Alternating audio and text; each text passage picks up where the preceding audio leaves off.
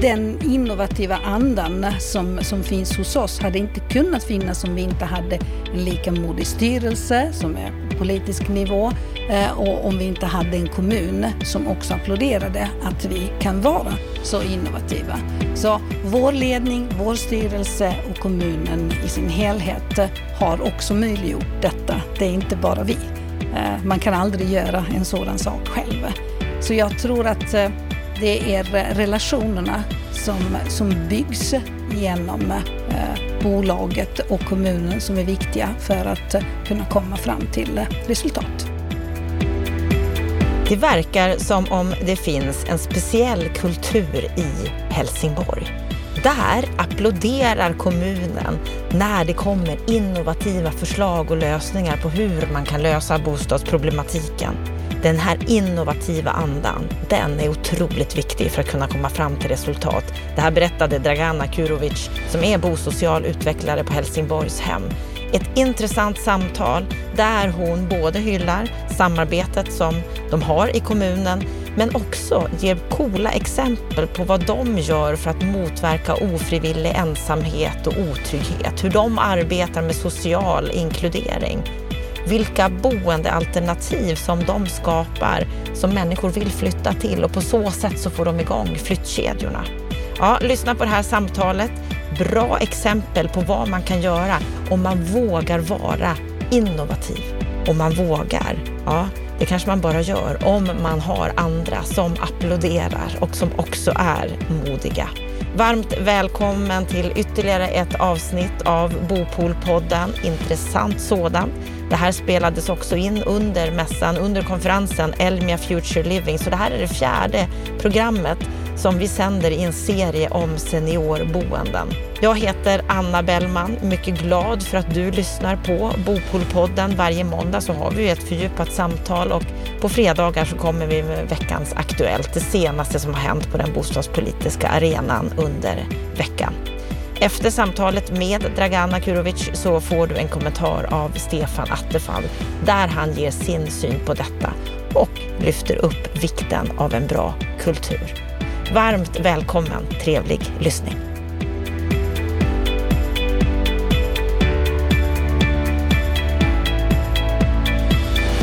Hur ska vi motverka ofrivillig ensamhet och otrygghet? Hur kan vi arbeta med social inkludering? Hur kan vi få mer attraktiva boendealternativ som får människor att vilja byta till en mer lämplig bostad? Ja, nu ska vi få ett exempel från verkligheten, från en stad som arbetar medvetet med detta. Varmt välkommen till Bopolpodden, Dragana Tsurovic. Tack så mycket. Vad är din sinnesstämning idag? Jag är glad.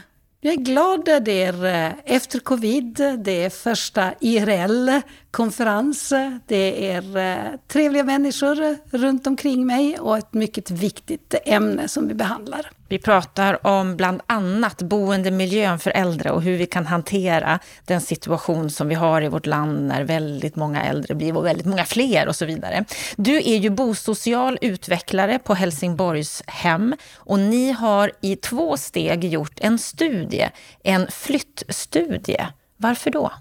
Det stämmer. Som sagt, vi är Helsingborgshem är allmännyttiga bostadsbolaget i Helsingborg. Vi har 12 000 lägenheter i vårt bestånd. Vi är en ganska viktig aktör på bostadsmarknaden i staden. Och vi ville se vilka effekter vår nyproduktion har eh, på resten av staden. Det vill säga, hur frigör vår nyproduktion andra lägenheter som behövs och på vilket sätt? Så vi gjorde det med 460 av våra nyproducerade lägenheter, som du sa själv, eh, i två steg.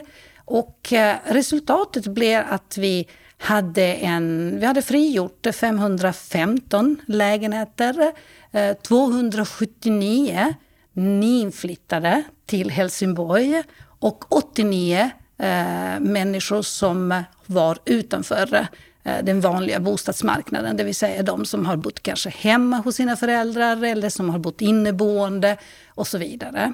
Så man ser att det finns eh, en ganska stor kedja som, eh, som blir effekten av nyproduktionen. Men den räckte inte för att vi skulle frigöra alla de billigare lägenheter som behövs i staden. Så då började vi fundera även andra sätt. Och ett av de sätten var att notcha upp det med rörelsepiloter som var egentligen tre olika typer av förtur för att eh, få rörelsen igång ytterligare. Rörelsepiloter. Vad, vad gjorde en rörelsepilot? Ja, vi hade en åldersförtur, vi hade en eh, nyproduktionsförtur och vi hade en glesbodhetsförtur. Eh, och jag säger hade, vi har det fortfarande, men nyproduktionsförturen är lite på sparlåga eftersom vi har inte producerat nya lägenheter det senaste året. Eh, och de andra har vi fortfarande. Men covid har också varit emellan, så det är, eh, det är lite sparsammare än det har varit tidigare. Um, vi kan säga att åldersförturen är riktad mot våra trogna äldre. Vi har vanligtvis eh, en förtur för människor som har funktionsvariationer till tillgänglighetsanpassade lägenheter.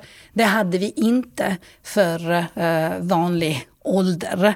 Men eh, vi ville prova och se hur detta skulle, vilken effekt detta skulle ge till våra trogna hyresgäster. Och ehm, är de 70 plus, har de bott hos oss mer än fem år Eh, och behöver en tillgänglighetsanpassad lägenhet så ser vi till eh, att tillgodose det behovet. Eh, sen har vi glesbodhetsförturen och det är vi behöver stora, större lägenheter på senare tid och vi behöver större lägenheter med lägre hyra.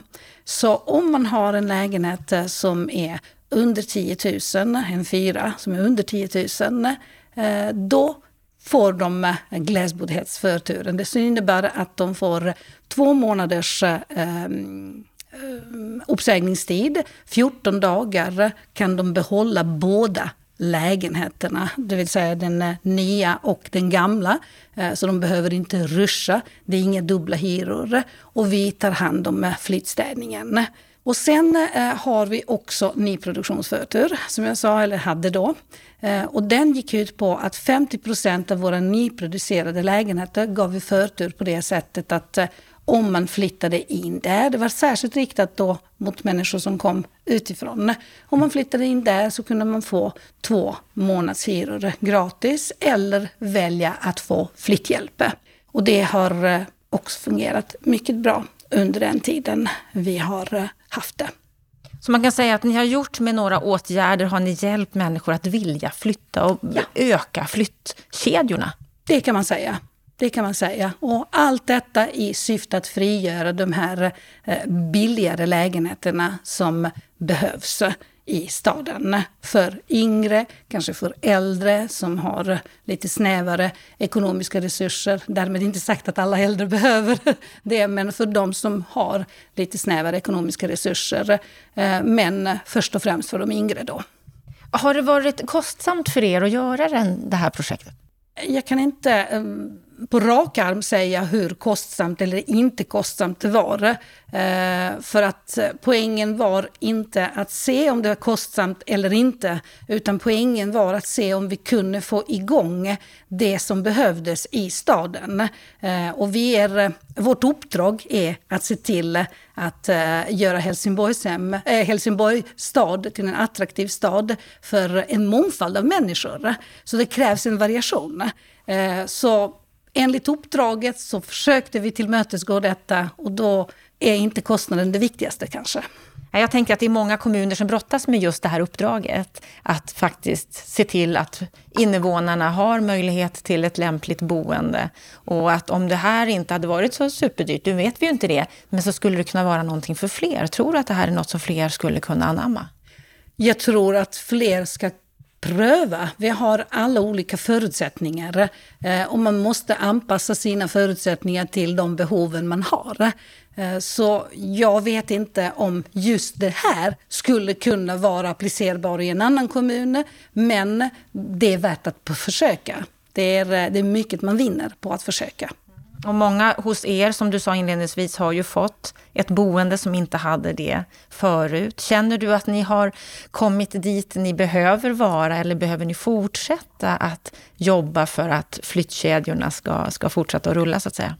Jag tror att vi måste alltid fortsätta utvecklas i allt man gör. Man kan inte stagnera, utan eh, samhället förändras eh, så snabbt och förutsättningarna i samhället förändras också. Så man måste hela tiden notcha upp det, men samtidigt se till också att det finns en balans. Eh, att man inte liksom bara gör saker för att göra nya saker, utan att man gör saker när de behövs eh, och i den omfattning som de behövs. Och en sak som ni har gjort i Helsingborg, det är Sellbo. En form av sällskapsboende, uttrycker ni det som. Vad är Sellbo för något? Ja, vad är Sellbo? Sellbo är egentligen ett eh, boendekoncept som just nu är fortfarande integrationsprojekt, allt i ett, eh, som går ut på eh, syftet med Sellbo är egentligen att motverka otrygghet, ofrivillig ensamhet och bidra till social inkludering för tre olika målgrupper. Eh, varav den ena är 70-plussare och de andra två är mellan 18 och 25 Hälften är före detta ensamkommande flyktingbarn som har blivit vuxna och hälften är eh, ordinarie ungdomar eh, som kan vara av svensk eller annan bakgrund, men som är väletablerade i samhället, både språkmässigt, socialt och så vidare. Som skulle kunna vara brobyggare mellan 70-plussare och före detta ensamkommande flyktingbarn.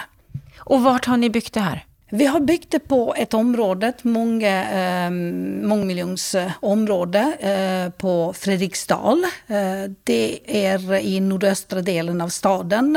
Eh, det är ett område byggt eh, slutet på 60-talet, början på 70-talet. Eh, som var ganska homogen. Eh, det har ehm, det är många äldre som bor på området som har bott där sedan de flyttade in eller sedan området byggdes. Eh, och som har bott där med sina barn. Barnen flyttade ut, eh, de är kvar i sina lägenheter. Och eh, ja, området började utvecklas för att under själva flyktingkrisen så hade vi ett hus, ett gammalt vårdboende, som såldes av Eh, kommunen till oss eh, för att vi skulle göra om det till trygghetsboende. Vi har det konceptet eh, hos oss från tidigare. Vi har två sådana boenden som var mycket populära och vi hade folk som var intresserade att flytta in och en hel del från just Fredriksdal. Och då tänkte vi, okej, okay, vi köper det här huset och bygger om det till trygghetsboende. Men precis när vi var färdiga med projekteringen och skulle eh, gå ut med anbud för eh, ombyggnationen så kom flyktingkrisen. Det var oktober 2015. På den tiden eh, så hade eh, mycket få kommuner avtal med regeringen om att ta emot eh, anvisade flyktingar eh, eller flyktingfamiljer. Och så var det också med Helsingborg. Vi hade inte det avtalet, men ett antal år tidigare så hade vi tecknat avtal om att eh, ta emot eh, ensamkommande flyktingbarn. Som fram tills dess var ungefär 30 personer per år. Men oktober ehm, 2015 så var det plötsligt över eh, 450 ensamkommande barn som stod vid dörren och knackade på och skulle placeras. En del som skulle stanna kvar i Helsingborg och en del som skulle vidare som var i transit och väntade på ett boende någon annanstans i Sverige. Ehm, då är det helt naturligt naturligtvis på grund av belägenheten, den geografiska belägenheten av staden. Men det gjorde också att eh, det blev genast mycket komplicerat. Eh, hur ska man göra det? För att eh, i Sverige kan barnen som är ensamkommande flyktingbarn. De måste bli placerade antingen i familjehem eller i HVB-hem som har mycket strikta regler hur det är, det är en institution och så vidare. Eh, och vi hade visserligen två HVB-hem redan i vårt bestånd, eh, men det behövdes mer. Så kommunen, alla trodde då att det skulle vara ganska kortsiktigt, eh, så de ville hyra bottenvåningen och föreslog då att vi skulle börja bygga om uppifrån och ner huset till trygghetsboende som det var tänkt. Eh, naturligtvis var det jättesvårt att hitta byggherrar på den tiden. Många liksom drog i dem. Vilket var tur för att eh, bottenvåningen blev till två våningar, sen tre, sen fyra och till slut så var det liksom hela huset. Eh, och under tre års tid nästan så var det eh, Sveriges största HVB-hem med 98 platser. Som ibland eh, blev till och med flera eftersom det var transit ungdomar som skulle iväg. Och det är klart, alltså när man slår ihop så många unga människor med annan bakgrund. Vissa av dem behövde stöd också, absolut inte alla och långt ifrån alla skulle jag vilja säga. Men ändå, det fanns eh, eh bekymmer, eh, osäkerhetsproblematiken. Får vi stanna? Vad händer? Vad händer med min familj? Eh, och så vidare. Så det gjorde att många av de här mm, killarna, Eh, för det var bara killar, jag tror att under hela den perioden så hade Helsingborg bara ett tiotal eh, flickor som var ensamkommande flyktingbarn. Eh, men det var killar då. Då, då var det så att man var uppe länge, man kanske rökte. När man är bekymrad så röker man. Det, gör man även när man inte är det i den åldern många gånger.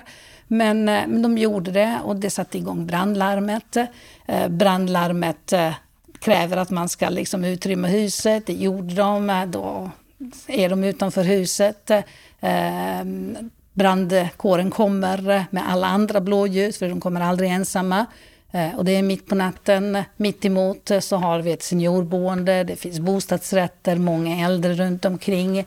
Eh, det, det visade en bild som egentligen inte var så farligt. Det var inga allvarliga incidenter vi hade, men folk började bli lite skakiga, det byggde upp en liten spänning. Och eh, media gjorde också sitt, för man skrev på den tiden ganska mycket om vad som hände på de olika HVB-hemmen och det var skräckhistorier, för man skrev, skrev aldrig liksom om det som var bra. Eh, och det gjorde att folk det, det byggdes upp en spänning på området helt enkelt. Eh, så när eh, det började sina, när flyktingkrisen liksom började sina, eh, man började tömma också huset, och när man var på andra våningen så föreslog kommunen att man skulle gå till det ursprungliga liksom, erbjudandet, det vill säga att de behöll bottenvåningen till HVB-hem för framtida eventuella behov och eh, att vi skulle bygga om resterande våningar till trygghetsboende. Men där sa vi faktiskt nej eftersom Ehm, ett HVB-hem är en institution med personal, med minderåriga barn, eh, sekretess, eh, kanske stödbehov hos vissa. Det gör att eh, det finns ingen naturlig möjlighet för de äldre och de yngre att komma i kontakt med varandra. Så vi kände liksom att det skulle bara bygga upp spänningen ännu mer. Dessutom så tror vi inte att det skulle lösa det här att man skulle röka på nätterna. Skulle plötsligt alla de här pensionärerna ehm, komma ner mitt i natten och så utrymma huset. Det fungerade inte. Eh, men då sa kommunen att eh, ja, men det är ju den målgruppen som vi behöver också lägenheter till. Eh, kan vi lösa det på något sätt? Och naturligtvis, det är ju vårt uppdrag också att försöka hitta lösningar. Och så började vi tänka, vad skulle man kunna göra? Och då sa vi, men om den här målgruppen, om vi väntar tills den målgruppen blir myndig, för de behöver fortfarande lägenhet och de kanske aldrig bott eh, själva i en lägenhet tidigare. Så det är fortfarande så att man behöver någon sorts eh, stöd av någon annan. Vi vet att de är ganska exkluderade i samhället och vi vet att de, eh, även om de har fått höra och de har fått lära sig medan de bodde på HVB-hem och i skolan vad som gäller, ja, du vet hur det är. När man lyssnar på det i skolan eller i skolbänken så går det in i ena örat och så går det ut i det andra. Men i det här fallet eh, så tänkte vi om man skulle kunna få till en sån lite mer familjekänsla mellan dem och de äldre. Eh, och det är dessutom en målgrupp som de eh, kanske inte har träffat på ett tiotal år. Eh, för att alla vuxna de träffade, det var antingen myndighetspersoner eller personal i de olika boenden. Eh, men just 70-plussare, det är de som inte är arbetsverksamma längre, så de, de träffar dem inte per automatik. Eh, och det är inga naturliga liksom, kontakter. Så tänk om man skulle kunna slå ihop dessa två målgrupper. Samtidigt, som jag sa tidigare, det är ett miljonprogramsområde Eh, som behöver renoveras, som alla miljonprogramsområden. Så vi hade ganska mycket ombyggnationer eh, runt omkring, både på Fredriksdal, där eh, Sällbo är beläget, och området intill Drottninghög. Eh, och det är vanligt hos oss när vi gör det att vi har en dialog med våra hyresgäster där vi pratar om ombyggnationen. Men när man pratar om ombyggnationen så kommer det också det som vi kallar surr. Det vill säga allt annat mellan himmel och jord. Som vi brukar vara ganska duktiga på att spara och ta tillvara och använda på bästa sätt. Och i det här surret så dök det upp eh, uttalanden från den äldre målgruppen att de känner sig ganska eh, ensamma, ofrivilligt ensamma. Och inte bara det, utan även socialt exkluderade. Vilket vi tyckte var jättekonstigt, för vi har en mycket bra relation med våra hyresgäster, mycket nära. Och vi vet att eh, de har både barn och barnbarn i närheten. De besöker dem och är besökta av dem. Men känslan av ensamhet? Men känslan av ensamhet. Och då frågade vi hur kan det komma sig? Och då fick vi besked att ja, men det är inte ensamhet så här. Ja, vi har allt detta, men det är i vardagen. För de lyckligt lottade, de hade vänner, men oftast i samma målgrupp. Eh, och de som är mindre lyckligt lottade hade ingen, utan satt hemma och väntade bara på den här veckoslutet där de skulle träffa barnen och barnbarnen kanske, eller slutet av månaden, lite beroende på hur mycket jobb och hur, hur de arbetar och skolan och så vidare. Så det var det. Men då sa vi, men den här sociala exkluderingen, eh, den känslan, den förstår vi inte riktigt. För vi pratar mestadels eh, om eh, människor med svensk bakgrund. Och då sa de, ja men du vet, det är så mycket som har förändrats i samhället. Vi blir bombarderade av nyheter. Vi kan inte urskilja vad som är sant, vad som inte är sant. Eh, dessutom liksom det där med källgranskning, det är eh, totalt eh, obekant. Så ibland så känns det bara liksom, nej jag vill inte längre. Och då blir man exkluderad. För det, kändes, det händer så snabbt saker och ting. Att har du inte följt med hela tiden så missar du eh, saker. Och då började vi tänka, de här unga för ett ensamkommande barn, de, eh, de, är inte alls eh, exkluderade ur den här globala liksom, eh, nyhetsflödet, för de är i allra högsta grad med. De hade kanske kunnat hjälpa de äldre. Och de äldre däremot kan ge de yngre den här historiska bakgrunden om varför saker och ting är på det sättet. Hur det har varit tidigare för att liksom bygga upp den här röda tråden som man behöver när man kommer till en ny kultur och när man växer upp för den delen, även om man är i samma kultur. Eh, och där kom liksom den här tanken, men ska vi prova? Men det var inte så enkelt, för att ska man prova med bestämda eh, grupper då, så kan man inte, man måste frångå den här ordinarie Eh, det vill säga att man har köpoäng, eh, man måste liksom välja. Hur gjorde ni för att komma till rätta med det då, och komma förbi det? Då fick vi dispens eh, genom att vi har det som ett projekt för att se om det ger den effekten som vi tror att den gör. Och vi fick en dispens på två år. Det vill säga fram till december i år, för vi eh, flyttade, eller vi hade inflyttning i november 2019. Eh, och så var tanken att det skulle vara till december nu eh, 2021. Men eftersom covid kom emellan så har vi inte kunnat precis följa utvecklingen eh, helt och hållet så som vi skulle vilja. Så därför har vi skjutit upp projektslutet till nästa år. Alltså Men ni har ändå de som har flyttat in så att det är ett fullt boende? Och ja, det är ett fullt boende och de har bott nu i nästan två år. Och hur har det tagits emot då? Vad tycker de som, som har flyttat in och som bor där? Vi kan säga så här, vi, eh, de är överlyckliga. Vi hade en enkät i mars, ungefär mars eh, 2020, fyra månader efter att de hade flyttat in, eh, men när covid redan hade börjat, där vi fick en fantastisk respons. 93 av dem var överväldigade. Eh, 88 procent eh, ville rekommendera det, eh, kände känner sig extremt trygga på området. 88 procent där också och 93 procent i huset. Och sen hade vi 58 procent som överhuvudtaget inte hade tänkt att flytta, men flyttade in i huset på grund av konceptet. Det här med socialiseringen var mycket viktigt.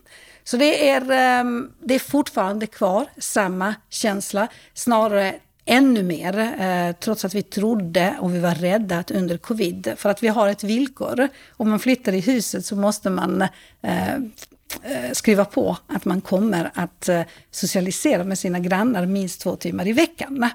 Ja, det här är någonting som intresserar mig, jag måste bara få avbryta ja, dig här. Absolut. Därför att ni skriver ju om det, ni har läst på, så skriver ni här, för att boendet ska fungera och hyresgästerna trivas, så är det viktigt att de som bor på Sällbo har en nyfiken personlighet, en vilja att lära sig nya saker och är beredda på att dela med sig av sina egna kunskaper och erfarenheter. Och så måste man dessutom skriva under på att man ska vara social två timmar i veckan. Hur kvalitetssäkrar ni de som ska flytta in? Alltså det finns ingen kvalitetssäkring. Det här är ingen juridisk bindning egentligen heller, utan det här är en morot. Och moroten är mer för att vi är olika människor och eh, Ehm, vi har olika personligheter, eh, olika introverta eller extroverta. Eh, det finns en eh, benägenhet hos de extroverta att ta över. Ehm, de som är introverta drar sig tillbaka och då blir det inte samma effekt, det blir inte den här jämlikhets... Så vi tänkte, i Sverige är vi mycket noggranna när vi skriver på någonting. Man, man tar det som ett åtagande.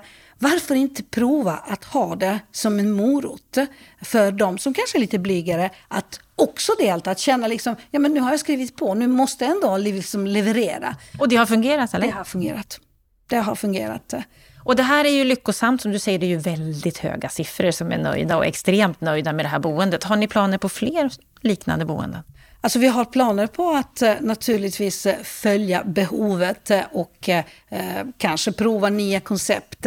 Eh, att duplicera Selbo är jättesvårt med tanke på att vi hade ett hus, hela, hade det ganska låga hyror i huset. Och anledningen till att man har kunnat behålla de låga hyrorna det är delvis att det fanns en befintlig tillgänglighetsanpassat hus som är ett gammalt vårdboende.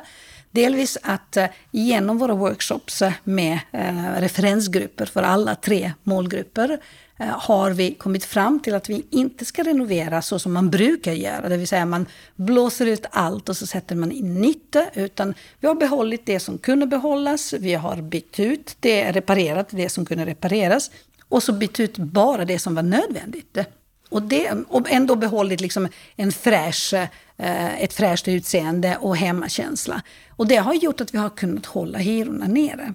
Men skulle man bygga nytt så kan man inte ha 580 kvadratmeter gemensamhetsyta. Eh, även om man skulle liksom göra på det sättet. Det blir helt andra priser. Men kanske är du någonting på spåret här. Vi pratar hållbarhet, ja. vikten av att klara av vår klimatkris. Vi pratar den sociala hållbarheten, integrationen, Precis. att minska ensamheten i vårt samhälle. Vi kanske inte behöver bygga nytt. Vi kanske ska ta tillvara det vi det vi har, precis som det ni har gjort här. Skulle vi kunna göra det ännu mer, tror du? Absolut. Det finns säkert ganska många sådana vårdboenden runt om i landet eh, som kan användas. Så jag vet eh, med säkerhet att det finns vissa kommuner som redan har gjort det och har tagit eh, efter. Till exempel Simrishamn som har också tagit ett gammalt vårdboende och gjort om det till en liknande koncept, Sällbo. Den är helt baserad på Sällbo men deras målgrupper är lite annorlunda. Så jag tror att återvinna, eh, återbygga, eh, fylla på är svaret. Ja, du har ju berättat här nu om två ganska coola projekt som ni har gjort i Helsingborg som har gett ganska fina, eller väldigt fina, resultat. Samtidigt så tänker jag att utmaningarna finns kvar.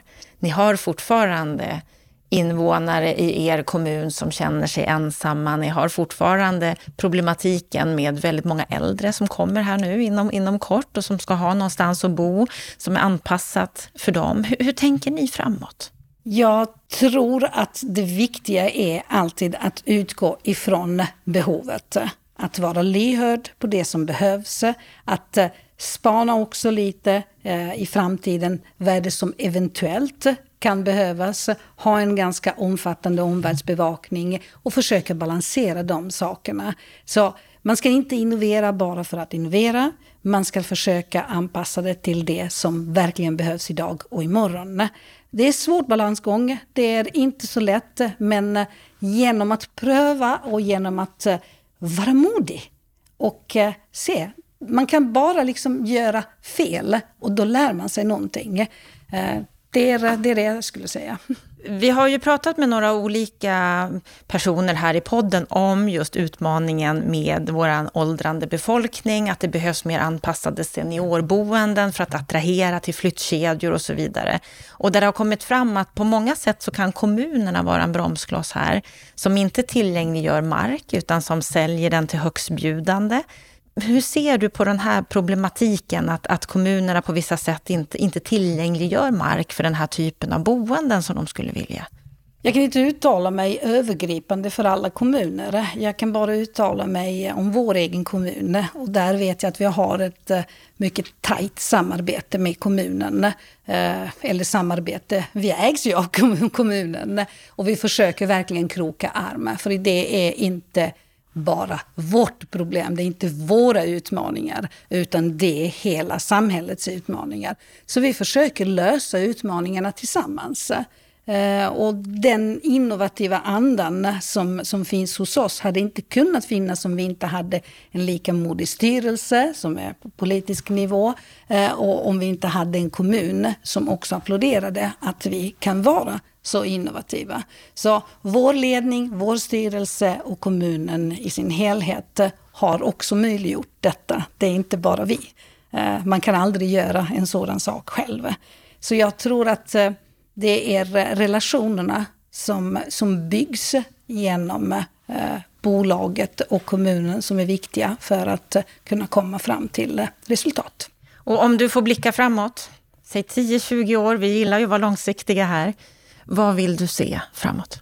Ja, det finns en dröm, en vision. Jag vill inte se segregation, jag vill inte se ensamhet, jag vill inte se människor som lider för att uh, de är bortglömda. Det vill jag inte se. Men uh, realismen säger en annan sak. Det är, det är klart att det kommer att finnas, men vi kan åtminstone försöka att minska det. Och hur ska det gå till? Jag tror inte att vi har en enskild lösning, utan det måste vara många bäckar små. Försöka testa sig fram, det som fungerar, implementera mer och sen hitta hela tiden nya. Men man ska också vara försiktig att inte låsa sig vid någonting som fungerar idag. För det är så som samhället förändras och situationen i samhället förändras så kommer det, det går mycket snabbare. Så det här som fungerar idag behöver inte fungera imorgon. Så man måste hela tiden liksom ha örat mot rälsen och eh, känna av och som sagt eh, våga testa. Och ni verkar ju verkligen ha örat mot rälsen och testa nya saker. Stort tack för att du kom till Bopolpodden och berättade om vad ni gör. Tack så mycket. Kul att vara här.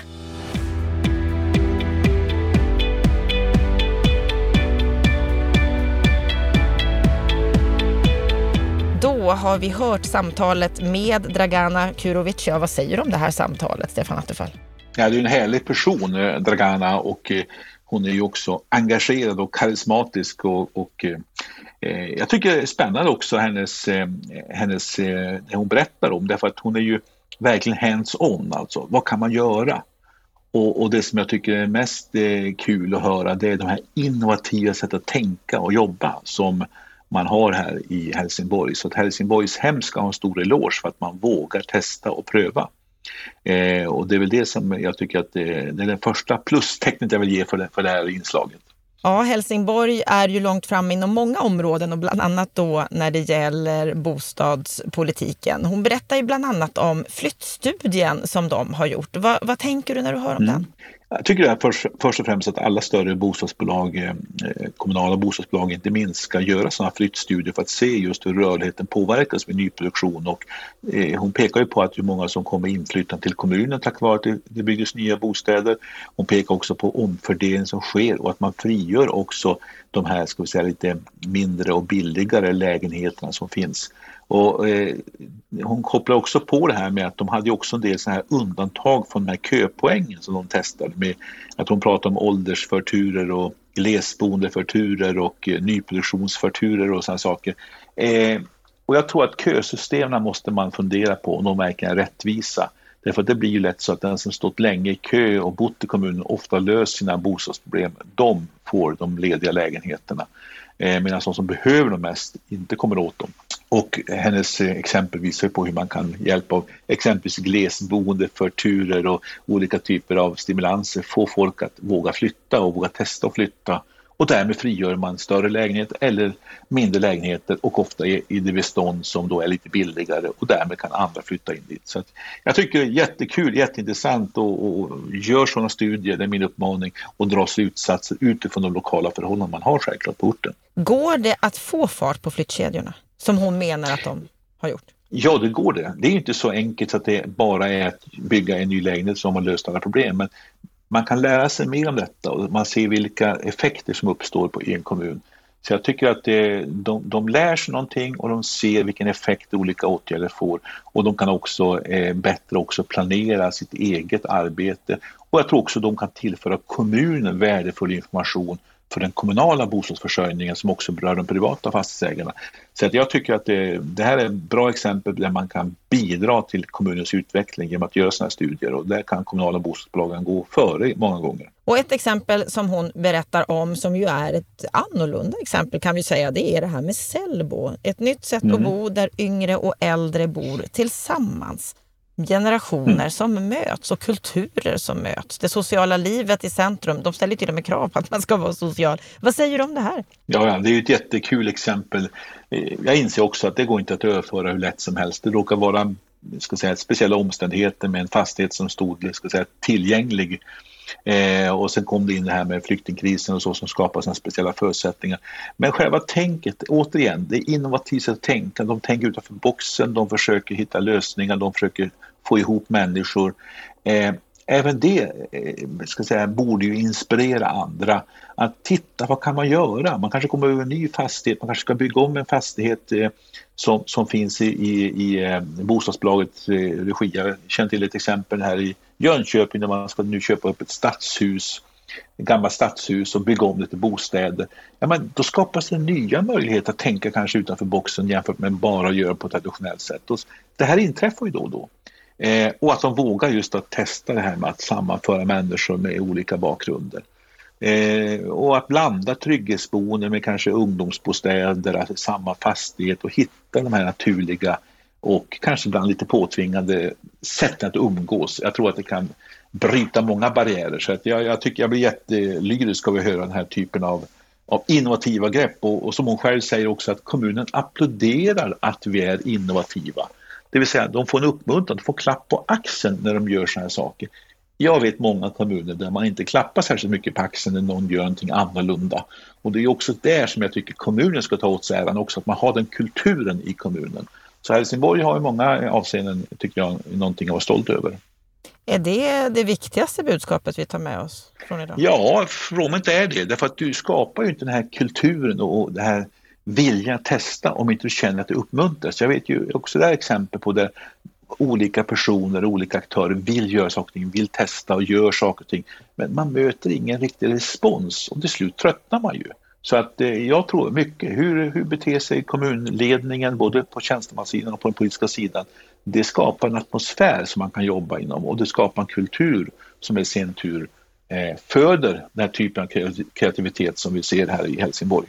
Och det här är ju ett område vi inte pratar så mycket om här i podden. Vikten mm. av rätt kultur för att också projekt ska lyckas, att vi ska lyckas med ja. vår bostadsutmaning och så vidare. Vi kanske borde ta ett större grepp här. Ja, det är det svåra, men det är det viktigaste. Alltså det, är, och det är så många gånger också att vi, vi tar en kultur för given och inser inte heller att den kultur som kanske är god och bra i en kommun eller i en organisation eller ett företag måste också vidmakthållas, måste underhållas. För annars så fejdar ut och, och tonar ut och kanske inte blir samma sak om några år. Mm. Spännande tankar, roliga exempel och häftigt att se att det fungerar. Stort tack för din kommentar, Stefan Attefall. Detta var vad vi hade att bjuda på från Bopolpodden för den här veckan fram tills på fredag, för då kommer veckans Aktuellt tillbaka med det senaste som har hänt inom det bostadspolitiska området under veckan. Fram till dess så önskar vi dig en riktigt trevlig vecka.